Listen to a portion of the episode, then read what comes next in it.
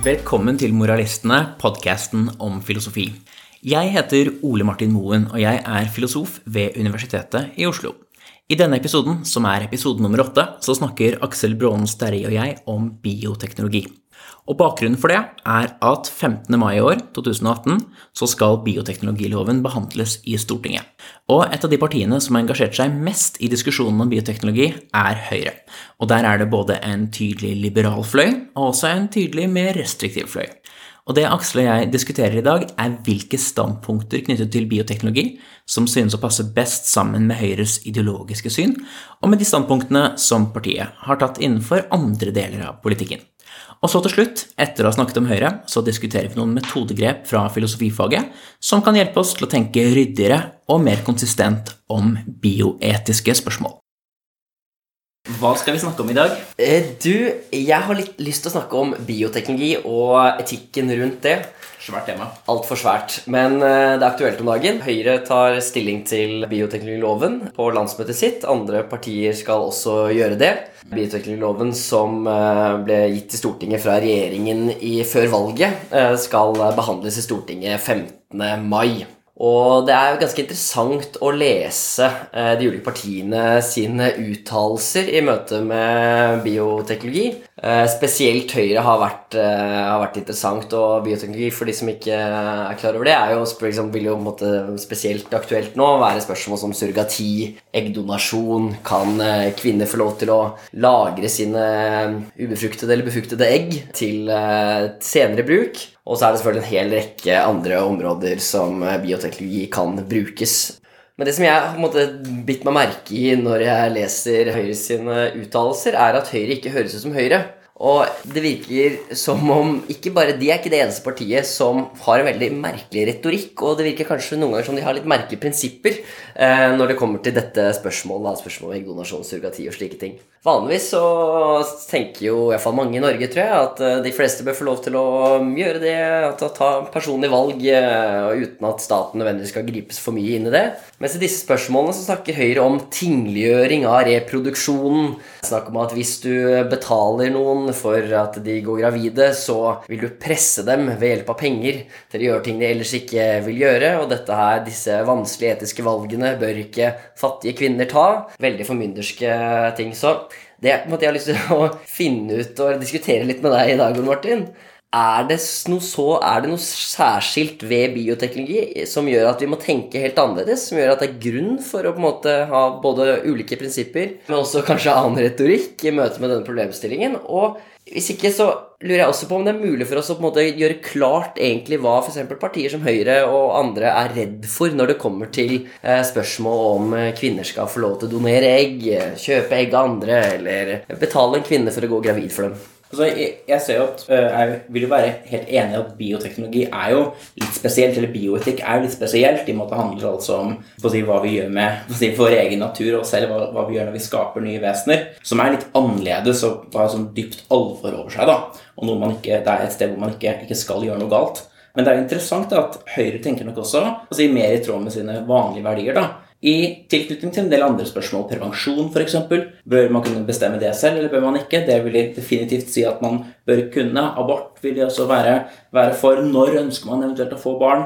Bør man kunne planlegge det selv, eller bør man, bør man ikke kunne gjøre det? Bør man kunne betale fra barna i en barnehage mens man er på jobb? Eh, Det handler altså ikke om skapelsen av nye liv, men det handler om barn likevel, da, og små barn. Bør man kunne velge sin partner selv? Det vil de definitivt være for. Så jeg syns det er en slags sånn deling her, da der det synes man legger litt andre prinsipper til grunn for å si én bit av diskusjonen, og andre prinsipper til grunn for en annen del av diskusjonen. Jeg lurer om det handler litt om det, det noe Morten Magelsen har skrevet en, en interessant artikkel om, om hvordan mye av det vi tenker om bioetikk i Norge i dag, er veldig preget av kristendom, er frembrakt av et kristent tankegods, da, der livet er en gave fra Gud, du skal ikke gjøre noe med den, du skal akseptere den bare, Eh, du skal ikke bestemme når den kommer, du skal ikke bestemme når den skal være slutt, til gaveperspektivet fra Gud, og det han mener altså at vi har konklusjonene våre i bioetikken fra et kristent verdensbilde, og nå begynner det kristne verdensbildet å glippe mer og mer taket. Vi tror ikke lenger på begrunnelsen, men enn så lenge så på en måte holder vi oss litt til konklusjonene, da, og at de der på en måte har ja, mistet det festet de tidligere hadde, da. Så jeg lurer på om det er en del av det, da. Og kanskje det også føles trygt for mange, da. Jeg tenker liksom at Det er i hvert fall en litt sånn konservativ posisjon man kan ha. da. Så la oss holde oss til de litt gamle standpunktene. Det er mye som på måte spiller inn der. ikke sant? At det er en type litt sånn føre var-prinsipp òg. At vi vet på en måte hva vi har. Det går sånn rimelig greit når folk eh, får lov til å få barn på den naturlige måten. Men hvis vi begynner å blande inn teknologi, så hvem vet hvor vi havner? på en måte.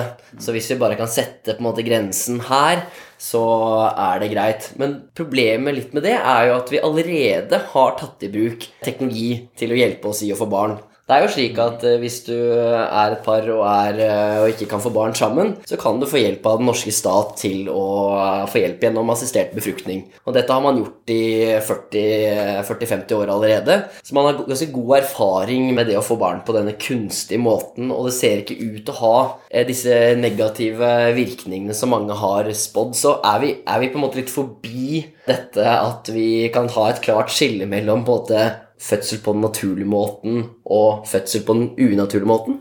Jeg tror, jeg, jeg tror ikke det er noe dypt skille mellom disse. Men jeg vil jo skjønne de som har en konservativ eller bekymret innstilling overfor en del bruk av bioteknologi. Men interessant med sånn som surrogati og eggdonasjon og lagre befruktede egg for å kunne være gravid senere, f.eks. Det er ikke ting som gjør noe med arvematerialet vårt. Det er ikke ting som det er sannsynlig at det vil kunne ha si, veldig store konsekvenser. Teknologiske konsekvenser utover hva vi kjenner til i dag. Det er på en måte mer sånne sosialpolitiske spørsmål, egentlig. Altså, skal noen kunne være gravide for andre? Skal man kunne donere et egg? Altså, skal, man kunne, skal man kunne lagre befruktet egg?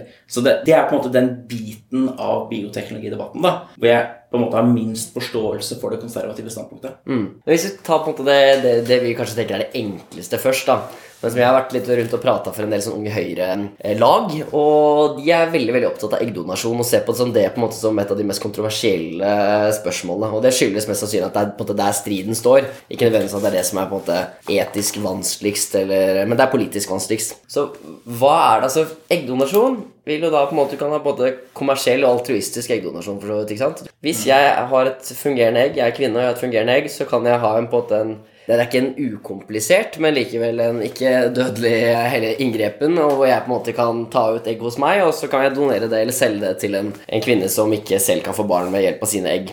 Hva ved dette her er det som skaper problemer? Er det noe som kan vi tenke oss at det er eh, vanskelig med dette her? Det er interessant å se hvilke, hvilke, argumenter som kommer opp. da. Jeg var i debatten på NRK for en stund siden, og en del av diskusjonen der var med Bent Høie, som diskuterte dette med eggdonasjon. Og hans sentrale argument der var at ja, vi vil jo ikke få noen donerte egg. Mm. Hvor skal vi få disse eggene fra? Og det var et forferdelig underlig argument. Fordi altså, vi har jo problemer med å få tak i nok si, organer til transplantasjon. Men det betyr ikke at vi er imot å tillate det. Så det er fascinerende hvor dårlige argumenter som noen ganger kommer frem her. da. Mm. Men, men da spør du okay, hva er det man skal være hva er det man skal være redd for her. da? Og da, da er det jo, altså Én ting er jo si, surrogatibiten av det. da, men, men, du tenker å altså, ikke diskutere det nå, men bare eggdonasjon som sådan? Ja, for du ser, altså, Hanne Skartveit eh, i VG, som er kommentator i VG, hennes på en måte, kronargument mot eggdonasjon ser nettopp ut til å være at hvis du tillater det, så tillater vi surrogati i morgen. Og Det er på en måte sånn skråplansargument som vi forstått kan ta litt seinere. Men er spørsmålet er, er det noe eget Er det noe som helst problematisk ved eggdonasjon? Vi tillater allerede sæddonasjon i dag, og da er det mange som bruker måte, et argument for måte, likestilling og rettferdighet. At hvis vi behandler det ene, hvis vi tillater det ene, så bør vi tillate det andre. Og jeg vet ikke om egentlig det er på en måte det kronargumentet, fordi det forutsetter på en måte at sæddonasjon er bra i utgangspunktet. Men vi ser kanskje ut til at vi, sånn, vi, vi prøver å dytte på bevisbyrden over på de som ser ut til å ha problemer med det. Vi tenker ok, folk må få lov til å gjøre det de selv vil med sine liv. Eh, om det da gjelder den som har lyst til å donere bort egg, eller den som har lyst til å ta i bruk egg. Og hvis ikke dette går utover noen, så hvorfor skal staten legge seg opp i det eller begrense det? Og det jeg kan, kan tenke som, eller som ser ut til å være sånn Høyres eh, på en måte argument i dette um, utkastet til en resolusjonsskap på landsmøtet deres, er at de mener at når du skiller Det vi vet, altså når du får barn på den naturlige måten, som det heter, så eh, vil den biologiske moren, altså den moren som går gravid med barnet, vil være den som har også være det genetiske moren. Og som oftest vil hun også være den sosiale moren. Og det på en måte gjør at barnet får en form for trygg identitet henimot uh, moren. Og det er de redd for at vil på en måte skli ut hvis det er slik at da barnet egentlig har en annen genetisk mor enn da sin biologiske og sosiale mor. Da. Og det skaper en form for sånn identitetssvikt. Og her er, vil jo vi også være enig i det, på sitt rent empiriske. her sånn. Det er klart at Da vil barn ikke ha på si, sa- samme morsrolle for alle. Det vil være en oppsplitting av på si, sosial mor, genetisk mor, mor som, som bar det fram. Men da, det er det vanskelig å benekte. Det er spørsmålet hvor stor er på en måte impacten av det. da. Og ett syn kan jo være at dette er et problem i seg selv. Altså det, det i seg selv er et problem. Det synes som et litt underlig standpunkt hvorfor det skulle bety noe, men det er på en måte én måte å argumentere på.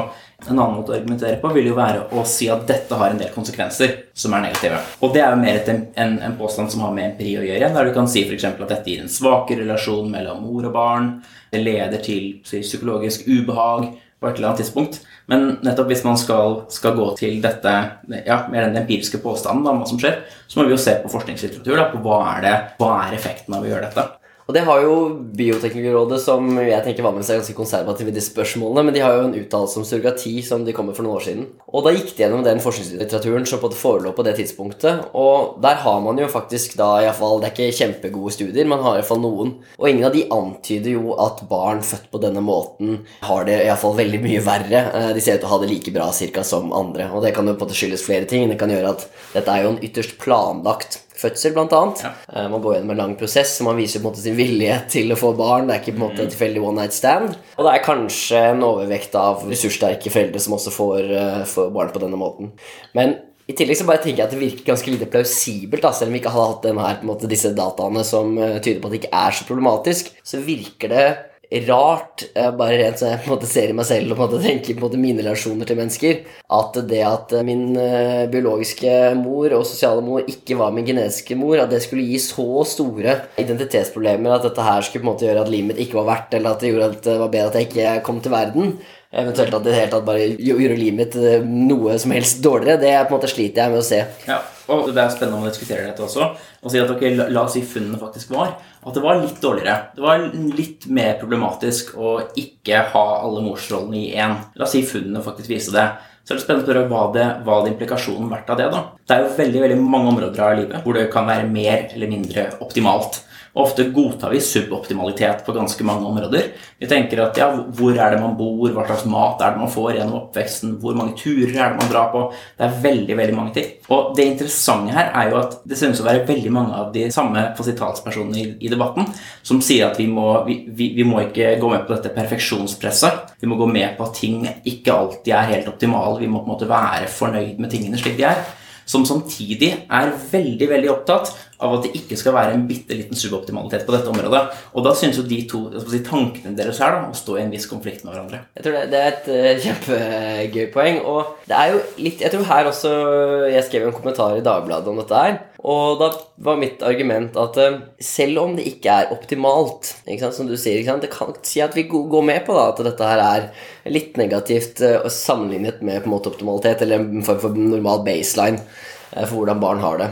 Så er jo det relevante spørsmålet må jo være da Er dette livet her? For det er ikke slik at disse foreldrene kan få barn på en annen måte. Så det er jo for dem er jo det spørsmålet Kan de få dette barnet, som da vil ha noen kanskje identitetsproblemer, eller ikke få et barn i det hele tatt. Så er det i så fall så ille for barnet som blir født, at det ikke er verdt å leve. Eventuelt har vi en eller annen måte å tenke om dette på som gjør at uh, vi bør begrense uh, disse foreldrene i å få det barnet de har. Og det som virker på meg som da en implikasjon av et slikt syn, hvis du mener at eh, foreldre som ikke har muligheten til å få optimale barn, eller like bra barn som på en måte gjennomsnittet, eller hva, hva som er baselinen, så må man jo mene at eh, foreldre som vi på en måte med god grunn kan tro at ikke får disse optimale barna, som f.eks.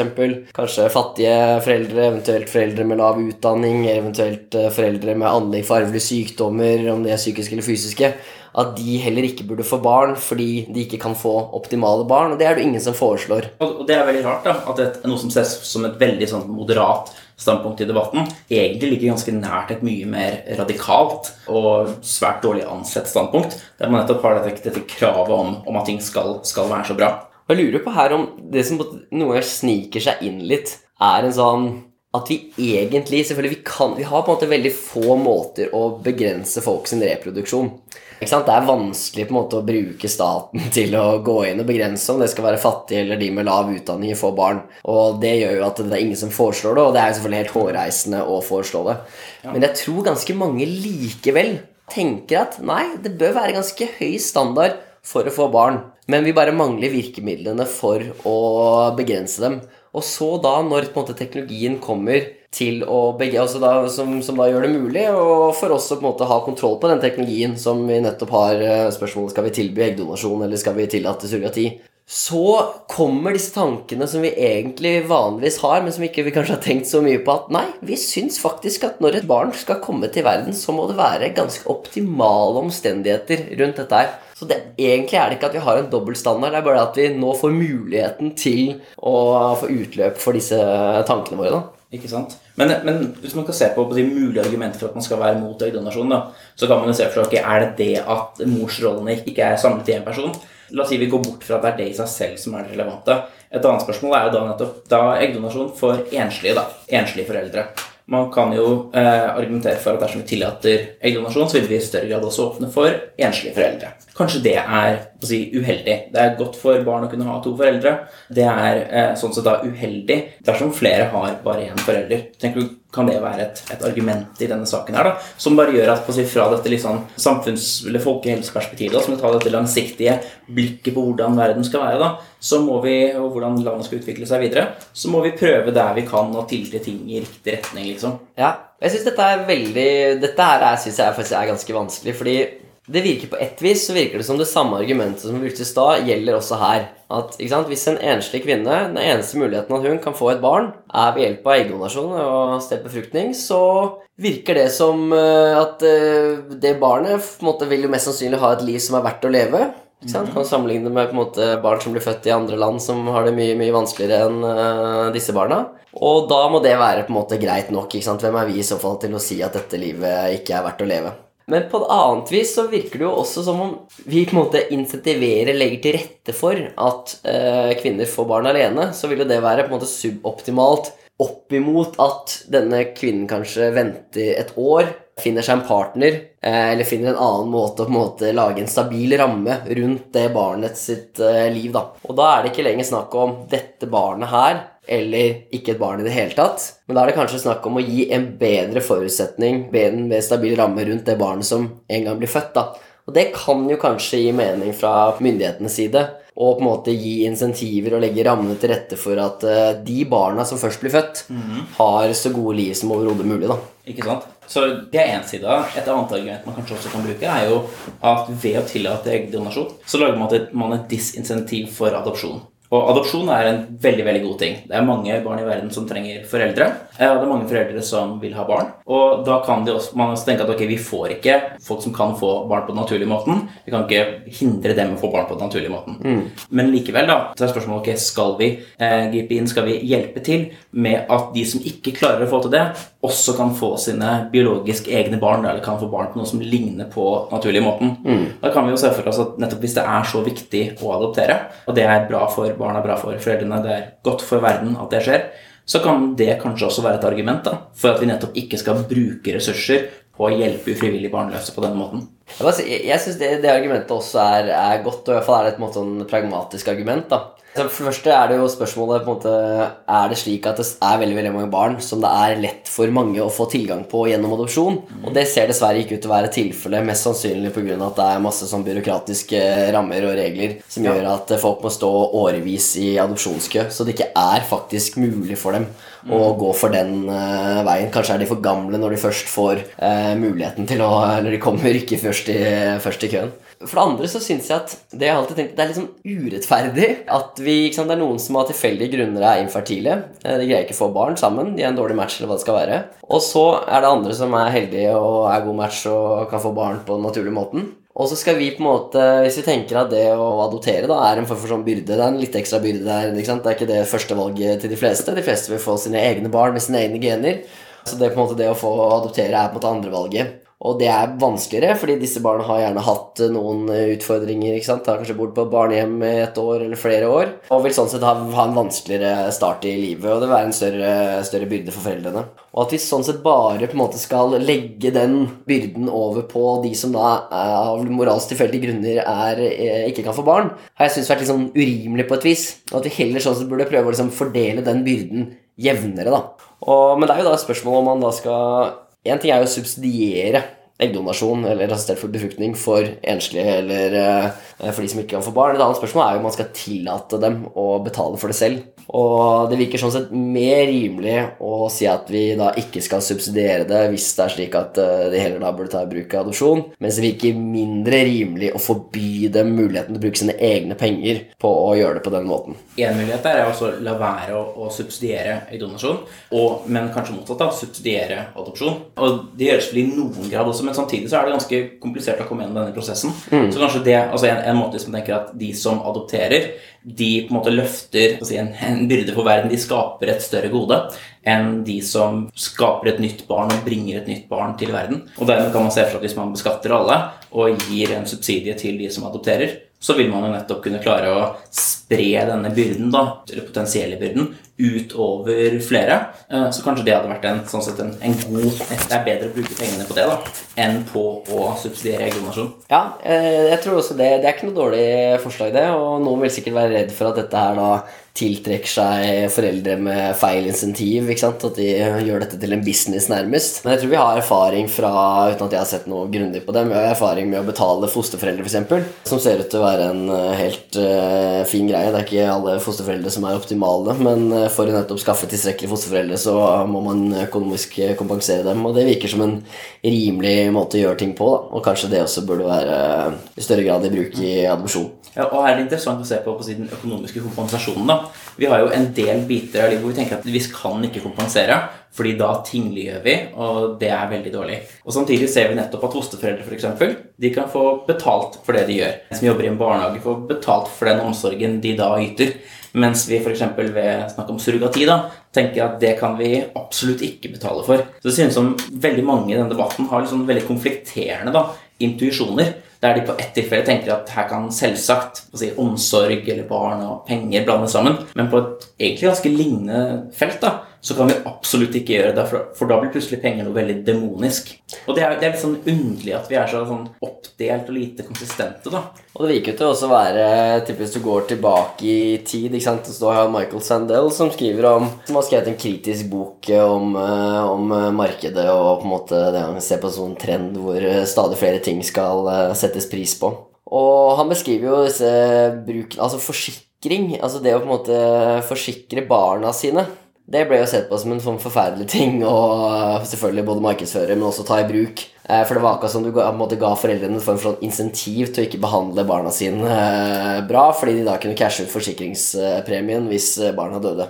Eh, Mens i dag så virker jo det som en helt naturlig ting. Så det virker jo som når vi først på en måte kommer over en del av den sånn angsten vi har for å blande penger inn i en del eh, relasjoner eller områder som vi syns er følsomme. Så når vi først ser at ok, det her gikk jo ganske greit, og det skapte ikke alle disse negative konsekvensene som vi trodde at skulle gjøre, så på en måte greier vi å leve bedre med det. da. Men det er når vi ikke har ennå tatt det i bruk, hvor fantasien på en måte kanskje får løpe litt for løpsk, og vi på en måte forventer kanskje det verste av eh, mennesker og systemer. da. Men det er klart penger er et veldig sånn kraftfullt verktøy eh, som kan skape veldig, veldig kraftige insentiver. Og det er litt av den debatten om, om surrogati, da, særlig kommersiell surrogati. da, Om man skal kunne betale en kvinne for å gå gravid for en annen. Og en av de tingene som Høyre vil også er redd for, er nettopp dette presset. Det gjelder også ved altruistisk surrogati, altså ikke betalt surrogati, der noen skal oppleve et press for å måtte gå gravide for noen andre. Og det ser Høyre ut til å være veldig, veldig engstelig for. Tenker du at den frykten der, er den kompatibel med Høyres tenkning om økonomi og press og frihet i andre deler av livet? Jeg synes i hvert fall det, i, i hvert fall slik Høyre på en måte reklamerer for seg selv, så er det på en de Frihetspartiet og på en måte den enkelte skal få bestemme mer selv og slike ting. Men så er det kanskje på en måte flere områder enn bare dette området hvor de på en måte bryter med den reklamen. Men eh, det virker på meg som om vi her på en måte går enda lenger unna Høyres prinsipper om nettopp at den enkelte skal få lov til å tilby de tjenestene de selv kan tilby, og gjerne tenker at Ok, hvis jeg er fattig, så er det på en måte jo at jeg har få valg på arbeidsmarkedet, på en måte. Så øh, betyr ikke det at vi bør begrense dem i å på en måte tilby de tingene de i så fall kan tilby. Eventuelt at det er de tingene som de selv anser som det best for seg å gjøre. Det virker ikke som vanlig på en måte høyrepolitikk å prøve å begrense dem i det fordi eh, penger på en måte kan tvinge dem til å gjøre noe de ellers ikke ville gjort. Ja, det er slik på en måte markedet fungerer. Man tilbyr noen penger, og så gjør de ting de ellers ikke ville gjort, fordi folk ville de fleste av oss ville heller eh, gjort andre ting enn å være på jobben. Noen må gjøre arbeid som er eh, tyngre, farligere, kjedeligere enn det andre gjør, og det er på en måte tragisk og synd. Men det er, virker som det er få steder i markedet hvor vi sier her er dette så ille for deg at du ikke bør få lov til å gjøre det. Men det har vi åpenbart tenkt at det er tilfellet med surrogati. Og klart, det er En sånn liberal respons på dette vil jo være at ok, det er kanskje, det er, det er kanskje ille som du sier da, at noen er i en situasjon hvor de har veldig få reelle muligheter, men likevel da, så hjelper vi dem hjelper jo veldig få ved å ta fra dem den muligheten de vil velge innenfor den konteksten de er i. For da, da tar du vekk det, det de helst vil, og da står du igjen med ting de har enda mindre lyst på. Og det er klart Hvis det også er veldig ille, da, så må vi ta vekk det også, helt til de til slutt ikke har noen muligheter igjen. Så jeg, jeg vil jo tenke at det er et sånt si, synspunkt som jeg tror at i si, yrkeslivet for øvrig, da, så vil mange i Høyre kjenne seg, kjenne seg igjen i det synet. Men, men altså ikke her. Og verken når det blandes med penger eller uten. Men uten penger da, burde ikke Høyre også være mot, eh, mot nyretransplantasjoner, f.eks. For, da? for da kan du også få et press sant, om at du skal donere en nyre, selv om du ikke vil. Bør vi da forby det? Hadde det vært bedre? Og det vil de jo absolutt ikke si. Og hvis de er så si, veldig si, sikre på den ene siden her, da, og veldig usikre eller veldig skeptiske på den andre, så er det veldig rart. altså Selv om dette er ulike temaer, så er det slik at man burde jo ha en sånn tilsvarende teori om hvordan økonomisk press fungerer. Altså En sånn, en mer sånn si, ideologisk forståelse da, av hvordan menneskelige samfunn funker. Den burde ikke endre seg veldig drastisk fra en slik sak til en annen. Men det ser det ut som den kanskje gjør, da. Til Ja. hvordan de forstår en sak som denne. Jeg er helt enig. Og jeg, syns et annet måte, paradoks i eh, så måte er nettopp det at det ser ut til at de fleste på måte, partier, venstre, høyre, andre som flørter med altruistisk surrogati, de tenker ja, okay, det kan vi kanskje tillate, fordi det nettopp virker litt absurd hvis det er noen som av ren eh, på måte, kjærlighet for eh, noen andre har lyst til å gå gravid for dem, så må de få lov til det. på en måte. Det virker rart at måte, staten skal inn og begrense det. Men likevel så er man selvfølgelig redd for alle nettopp skjulte pressmekanismer som kan foregå, de kan helt åpenbart foregå.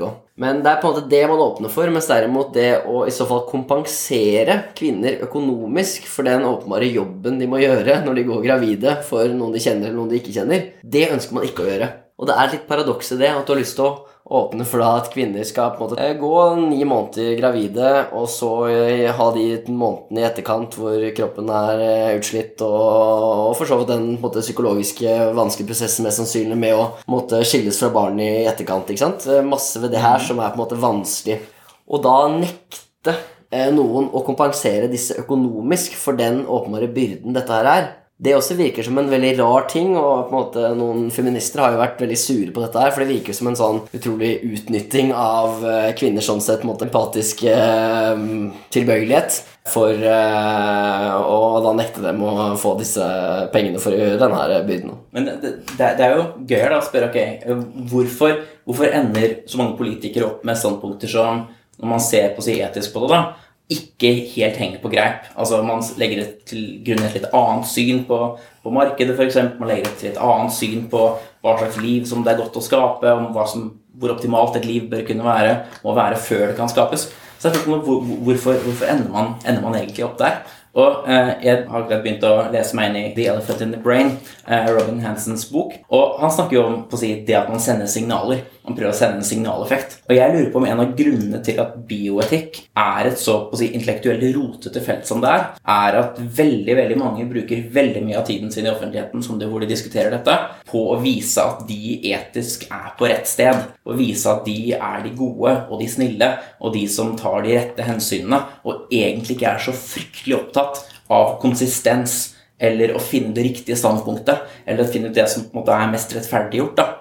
Det er noe jeg på å si, klart, Dette er jo ikke et argument mot argumentene, Nei. som man kommer, men jeg lurer på om det er en del av forklaringen da, på at bioteknologi er såpass rotete eh, i diskusjonen. Nettopp at folk driver med noe helt annet da, enn det vi tolker at de driver med når vi diskuterer det sånn som det er. Jeg tror det er, et interessant perspektiv, men spørsmålet er jo hvorfor vi i så fall gjør dette mer i spørsmålet bioteknologi enn vi gjør i andre spørsmål, som også har, hvor vi også kan vise på en måte vår uh, utrolige empati med andre, eller uh, hva det skal være. Er det fordi dette gjelder på en måte mennesker som vi ikke har så mye kontakt med? Er det slik at vi på en måte Vi nekter noen å være surrogatmødre eller være for så vidt ikke sant, Det ligner jo på prostitusjonsdebatten òg. Vi sier ingen skal trenge å måtte være prostituerte.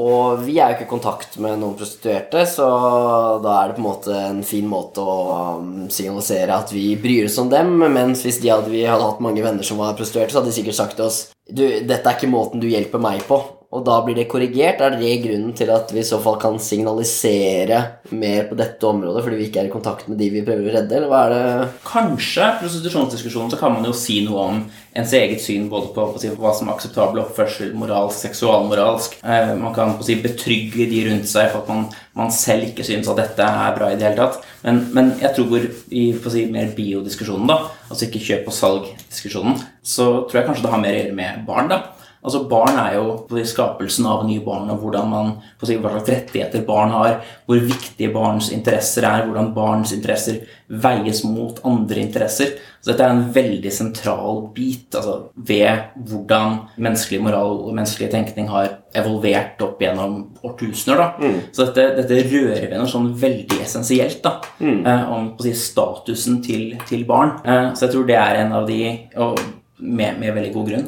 Så jeg lurer på om det kanskje er en av de grunnene da, til at nettopp bioetikk da, blir et sånt felt som er veldig godt egnet for å, for å vise sin moralske godhet. Ja, det er mye som på det foregår når dette kommer til de barna. For da er det på en måte både skal de Det ser alle, det står både i sånn uh, prinsippene rundt bioteknologiloven, på en måte, og, men også i Høyre sitt uh, program og andre, så er man veldig opptatt av at både alle barn, uavhengig av hvordan de kommer, skal på en måte elskes. Og vi skal ikke ha et samfunn hvor på en måte sortering blir uh, normen, og hvor noen rangeres høyere fordi de har på en måte bedre kvalitet, eller hva det skal være. Og det ser ut til å være veldig viktig, og det er på en måte åpenbart et liksom, nettopp signal vi sender til barn og til andre i samfunnet rundt rundt oss at vi, her skal alle være velkomne. Og det tror jeg er, sånn er viktig å sende. Men det er også noe på det er sånn litt interessant, fordi det som kanskje kan være en problem, eller noen har et problem med eggdonasjon og surrogati og slike ting, er jo at det også åpner for at vi nettopp vil i så fall velge det egget som vil gi oss de beste barna, eller de barna som har de beste forutsetninger. Så der kan vi få kanskje, for Det er det som kanskje er på en måte noe som ligger og lurer der, som gjør at folk blir redde på et vis men som også gjør at det blir en skvis, føler jeg, hvis man er opptatt av barnets beste. Skal prøve å liksom, eh, gjøre dette enda klarere.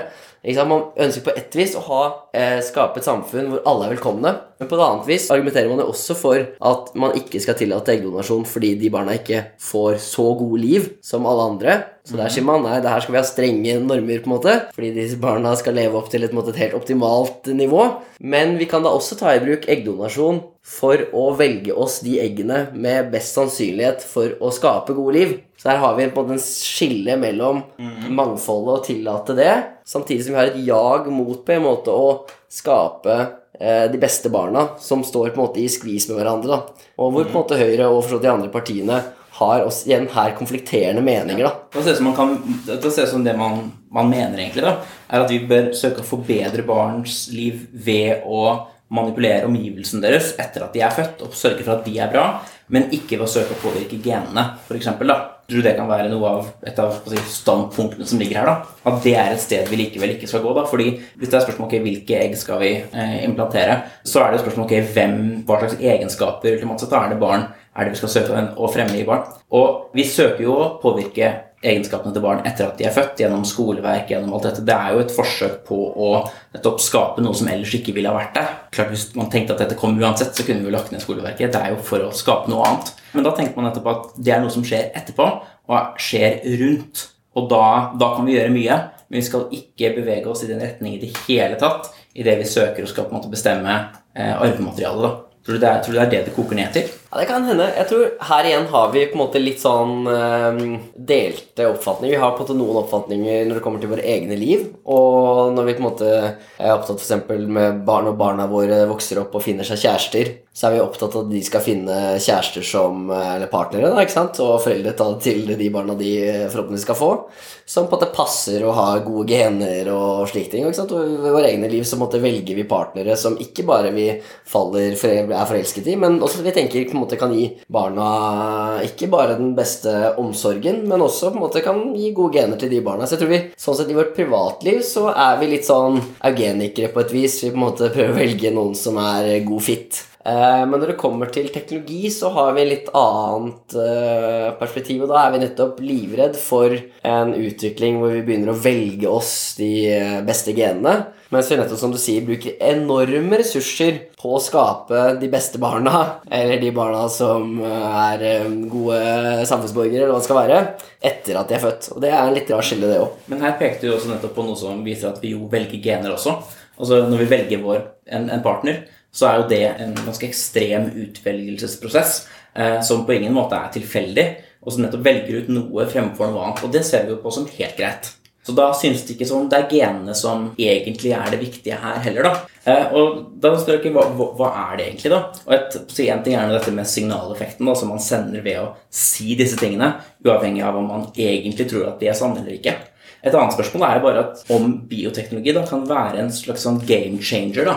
Og hvis du på en måte gjør det bra i spillet slik det er nå, så vil du ikke at spillereglene skal endre seg. Eh, da vil du at ting skal holde seg omtrent som de er nå. For hvis vi begynner å rokke på dette og gir mange andre muligheter som de ikke har i dag, da, så hvordan vil det på en måte påvirke situasjonen fremover? da? Så Man tenker jo også at si, en grunn til si, konservering i samfunnet er jo at de som sitter med makt og ressurser, jo gjerne vil at ting skal fortsette å være sånn som de er. Men jeg tror ikke det er en sånn eksplisitt tanke så veldig mye. Mm. Eh, at det er vi må passe på at det ikke blir eggdonasjon, passe på at det ikke blir surrogati. Men det er noe som vil endre dynamikken og endre maktrelasjonene litt. da. Mm. Så lurer på om det også kan være en, en slags bit av, av hva som kan ligge bak disse tilsynelatende veldig kontradikterende overbevisningene.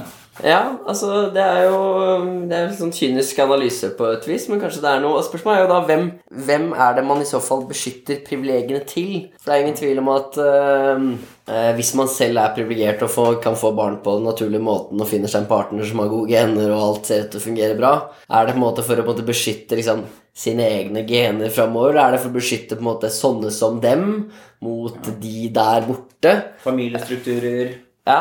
kjernefamilien, disse, disse si, enhetene her, da, eh, som man på en måte tilhører. da. Mm. Uh, og hvis på å si, rollesamfunn da, er med på å gi på å si, politisk makt til barnefamilier og alt dette her. da. Dette er ikke noen, noen klar hypotese nei, nei. fra min side, men det er på en måte et sånt spørsmål okay, hva, hva, er det som kan forklare da, alle disse underlige påstandene som kommer i denne debatten? Ja, for en mer sånn, jeg vet ikke om det er en sympatisk måte, psykologisering, hva vi skal kalle det, vil jo være eh, at veldig mange av oss ikke ikke har problemer med dette her. Ikke sant? De fleste har nettopp muligheten til å få barn på den vanlige måten. Eh, de trenger ikke få et egg fra noen, eller de trenger ikke bruke surrogati. Ting funker. Og da er det på en måte Det er selvfølgelig på en måte veldig lett å være sånn Hva skal vi med dette her? Hvis du på en måte ikke kjenner på problemet. Og Mens derimot de som måte, virkelig da ikke kan få barn på disse måtene og kjenne på barnløsheten, vil på en måte ha ofte helt andre Ha en helt andre interesser. da Så det er på en måte kanskje noen ganger en måte, manglende liksom ikke evne altså Jeg tror vi alle sliter med å sette oss inn i et andre sted. Men altså, vi kjenner jo ikke på problemene. Og når dette da gjelder bare 10% av befolkningen, eller noe sånt nå, så vil det alltid være en måte, minoritetsposisjon. Og da trenger du på en måte, da blir det på en måte litt om intellektuelle frihetsverdier, og at folk skal få bestemme selv, som måte, må liksom uh, styre det, framfor at dette er sånn Vi skal få bedre arbeidsrettigheter på jobben. Så tenker jeg det. Jo, det, det kan jeg kjenne meg igjen i. Det trenger jeg. Så at det er på en måte en litt sånn Ja, dette er en minoritetsposisjon som majoriteten rett og slett ikke på en måte kjenner på behovet for, da. Du er helt enig i det? Ja, ja det, det, er mer, mer sympatisk eh, si, forklaring da, på hvorfor, hvorfor, dette skjer. da. Ja. Men, men, jeg tror men Bare sånn helt på avslutningsvis så Jeg tror nettopp, eh, uten at vi har tenkt Det sies veldig lite i debatten om det, men at når man åpner for eggdonasjon, åpner for surrogati, så er dette her en vei inn i på en måte eugenikken. Eh, for som vi sier, vi driver allerede litt det. Når vi velger oss partnere, så prøver vi å velge oss gode gener og gode foreldre.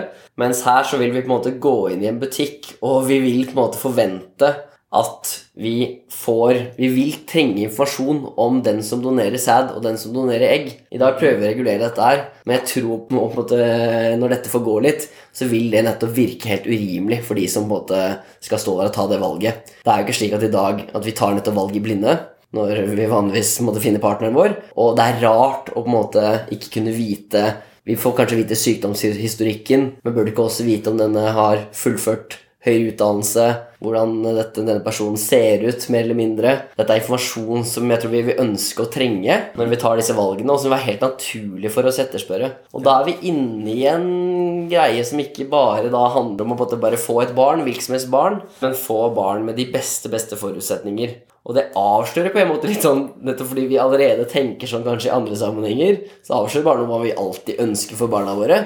Men vi syns det er litt ubehagelig når dette her blir på en måte stilt på liksom ut, gjennom sånn Om det blir butikk eller om det blir staten som står og sier Se på disse Her er de gode emnene av mennesker som mm. dere bør ta i bruk. Her har vi noen andre som ikke er så bra, som dere helt åpenbart ikke vil ønske eggene eller sæden til. da Så kanskje man ønsker en seleksjon, men man ønsker ikke en synlig seleksjon. da Nei. Og, på det, kan, og det er jo et, et si, mulig standpunkt også. Man tenker at Seleksjonen her er viktig. Synligheten av seleksjonen kan ha negative sosiale samfunnsmessige effekter. Så da må vi se om vi kan klare å finne en måte å gjøre dette på hvor vi kan få det vi vil, men vi gjør det ikke synlig. Og da kan man jo tenke at, eh, at den diskusjonen vi har, da, som er veldig eksplisitt om disse tingene, på en måte bør, synliggjøre noe som ikke bør synliggjøres. da. Men tror, tror, kan det være et poeng at ja, det er, hvis, man, måte, hvis det, er, det er et gode ved seleksjonen, men et onde ved synligheten og eksplosittheten ved det, så kanskje dagens system faktisk er veldig godt, og en slags sånn stilltiende aksept om det da, kan være det som en del faktisk ønsker.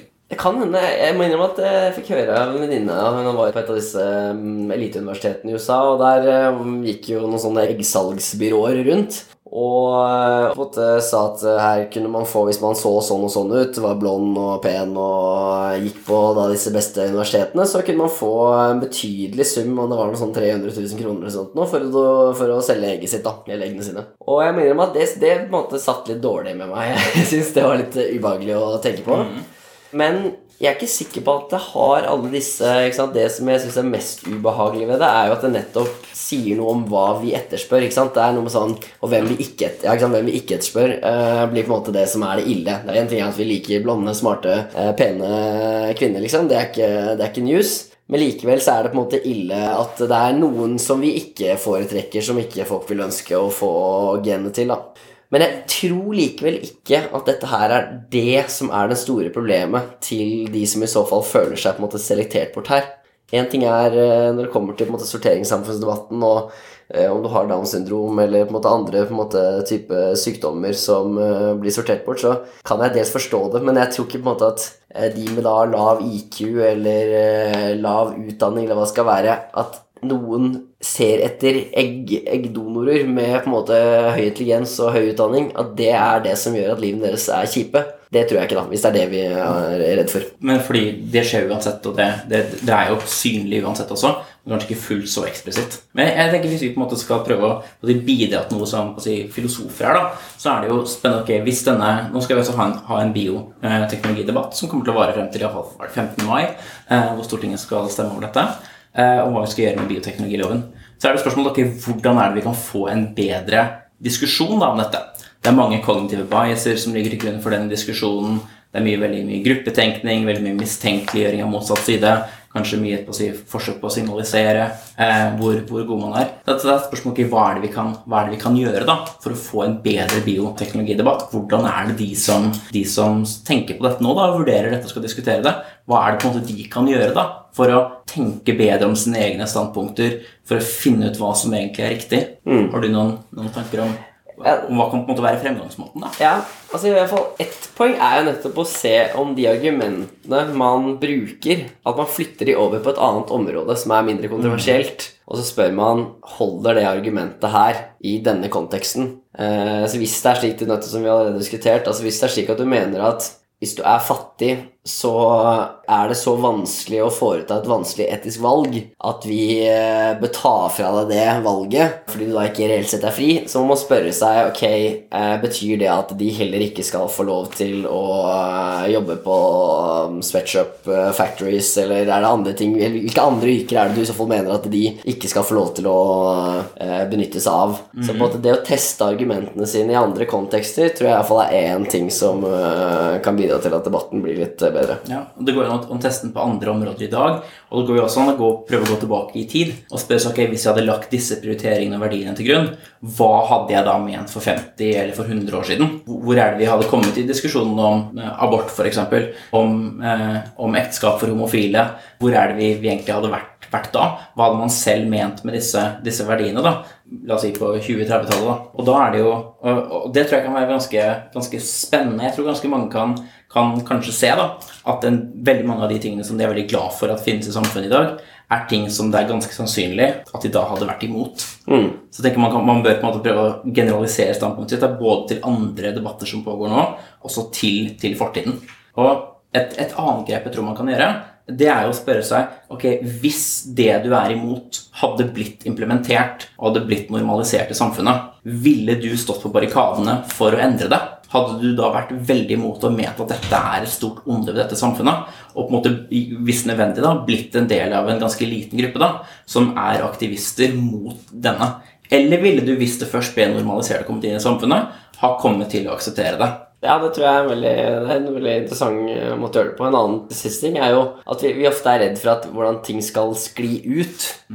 Og ikke sant, hva hvis eh, på en måte dette ikke sant, det er eggdonasjon først, og så er det surrogati, og så ikke sant, eh, Hvem vet hva som kommer neste gang? Og det virker alltid skremmende, fordi det er på en måte mye vi ikke, har, vi ikke vet, og det er lett å på en måte spekulere i hvor ting kan gå, og det kan være ille, og vi er ikke vant til heller å være der i dette fremmede landet som vi bare har forestilt oss. En måte å på en måte kjenne litt på om dette her er en, et stort problem eller ikke, vil jo også nettopp være å gå tilbake i tid. Og ikke da spørre seg nødvendigvis konkrete saker, men spørre seg er det mange ting som du i dag på en måte lever veldig godt med. Eh, Eller er det mange ting måte, i samfunnet vårt som du tenker Herregud, her gikk det gærent for 50 år sia.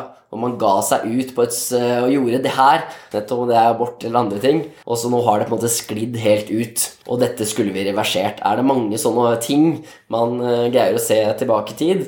Og hvis man sliter med å finne eksempler på at det har gått gærent tidligere, så bør, om man selv ikke tenker at jeg er både blitt hjernevasket av det samfunnet jeg lever i, og jeg ser ikke alle de problemene som er kommet, så bør man være litt varsom med, det, med å på en måte i hvert fall eh, forutse altfor mange sånne gale utviklingstrekk. da. Ikke sant? Det tror jeg er et ve- veldig godt eh, verktøy. En siste ting som jeg tror man bør tenke på i diskusjonen om bioteknologi og også andre spørsmål som er litt sånn opprivende innenfor etikken, da, er jo idet man vurderer motstanderens standpunkt, en policy som skal komme at surrogati f.eks., om det skal bli tillatt, så tror jeg eh, liksom en del tenker at hvis de kan komme på en dårlig måte det kunne vært implementert på, så er de imot det. Men det er klart det, det interessante spørsmålet for ethvert forslag til policy er ikke om det finnes en dårlig måte å gjøre det på.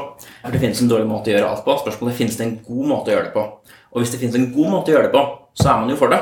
Så selv om de aller fleste måtene å implementere en ny policy eller tillate noe på, er dårlige, så lenge det finnes noen utgaver av den som er bra, eller kanskje bare én utgave av den som er bra, så burde man likevel være for det. da.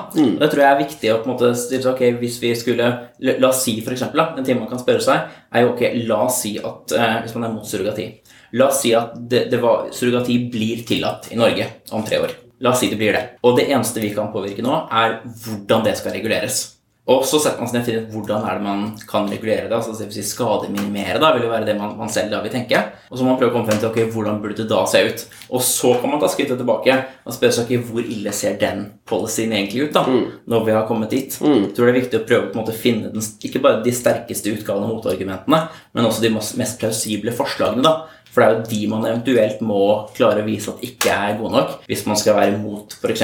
surrogati som sådan. Ja, det tror jeg er veldig viktig at det nettopp er For det er ikke bare spørsmål Kan du finne ett på en måte perfekt tilfelle av på en måte en perfekt regulering av surrogati, f.eks. Ja. For det er jo ikke sikkert at det er det vi greier å gjennomføre. Så det må være nettopp sannsynlige reguleringer av det, som kanskje ligner f.eks. For, for Norges del. Det vil være på en måte naturlig arbeidsmiljølov som vi har i dag. Kanskje noen ekstra reguleringer rundt dette her. Hva er det vi kan forvente? ikke sant? Vi har en velferdsstat som gjør at eh, man får noe oppbacking hvis ting går gærent. Man har på en måte et godt juridisk system. Så kan man se for seg på en måte hvordan dette her vil foregå. da. Men man er nødt til å åpne for at den, nettopp den pølsefabrikken som politikken er, tross alt ikke gir de optimale former for regulering av det vi så fall vurderer. Så nettopp er de sannsynlige vi må se på. Og bare en siste ting, nå har jeg sagt allerede, men bare siste poeng her som jeg tror er viktig, som er jo Jeg tror en annen Det er ikke bare det at vi ser på eh, at vi kan på det skyte ned en dårlig regulering av sant, en dårlig måte å ha regulert surrogati, f.eks. Det er ikke bare der vi på en måte svikter. Men vi, hvis, vi, hvis vi også kan finne ett argument mot en praksis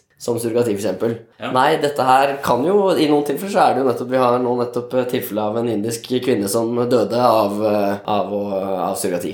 Noen har dødd av surrogati. Det betyr at dette her er dårlig. Eh, Det tror jeg mange på en måte i hvert fall er det en, på en, måte en feilslutning det er lett å gjøre. da At du kan finne et problem. Dette er ikke et optimal måte å jobbe på. Eh, Dette er eksempel kanskje ikke sant? Men Et annet problem med surrogati tror jeg, som er alvorlig, er jo at du i ni måneder kanskje blir, blir kontrollert av en arbeidsgiver som har interesse av at din, du skal være Du skal spise disse, disse tingene. Du skal ikke utsette deg selv for risiko. Slike ting. Så det kan lett bli et dominerende arbeidsgiver- og arbeidstakerforhold mellom måte, den som eh, og surrogatmor og den som har ansatt deg. Men det at du kan finne noe problematisk ved surrogati, betyr ikke at alle de andre fordelene ved dette her, eller andre ulempene, på det ikke teller. Så det du optimalt sett må gjøre, er jo å prøve for deg selv å på en måte vekte de ulike argumentene som spiller inn her, eh, om enn kanskje ved å prøve å kvantifisere dem. Hvor mye vekt legger du på det at eh, noen som ikke kan få barn på, ellers, får barn? Hvor viktig er det? Eh, hvor viktig er det at det er at et nytt barn kommer til eh, verden? Hvor viktig er det? Hvor viktig er det at kvinner kan få lov til å velge selv om hva de har lyst til å på en måte jobbe med? Hvor mye poeng gir du til det? Og så i så fall, hvor dumt er det at noen i så fall da må jobbe for eh, arbeidsgivere som ikke er noe ålreite? Den dominansen som skjer da, har dette noen effekter for hvordan vi ser på kvinner generelt i samfunnet? Hvor mye poeng gir du til det? Og så må du prøve å komme med en liksom, konklusjon som på et vis kunne vært eh, kvantifiserbart, eh, iallfall for deg selv. da. Kanskje, jeg vet ikke om jeg, om jeg har tro på denne kvantifiseringen. Det er egentlig, Den vil være utrolig vanskelig å nå. Men jeg er enig likevel at, at det, er, det er viktig å finne ut okay, hvor, hvor tungt veien er dette. da. Vi ønsker jo ikke å, å si, stenge ned alle veiene i Norge fordi det er dødsulykker. Fordi det, de, de realiserer så store goder at, at, at det blir verre hvis vi ikke gjør det. Og det må vi også spørre oss, da, selv om vi ser en veldig ille ting som kan skje med f.eks. surrogati. Men vi spør er, er alternativet faktisk noe bedre. da? Og Det tror jeg også er nettopp en viktig ting å ha i mente når vi skal diskutere disse tingene. Godt poeng. Skal vi wrap it up? Det får vi gjøre. Herlig. Takk. Tusen takk for at du har hørt på podkasten vår. Dersom du likte det du hørte, så håper vi at du vil dele den med andre i sosiale medier. Du finner alle episodene våre på moralistene.no, og du finner oss også med samme navn, Moralistene altså, på Facebook og Twitter og i din podkast-app. Takk for nå, så høres vi om en ukes tid.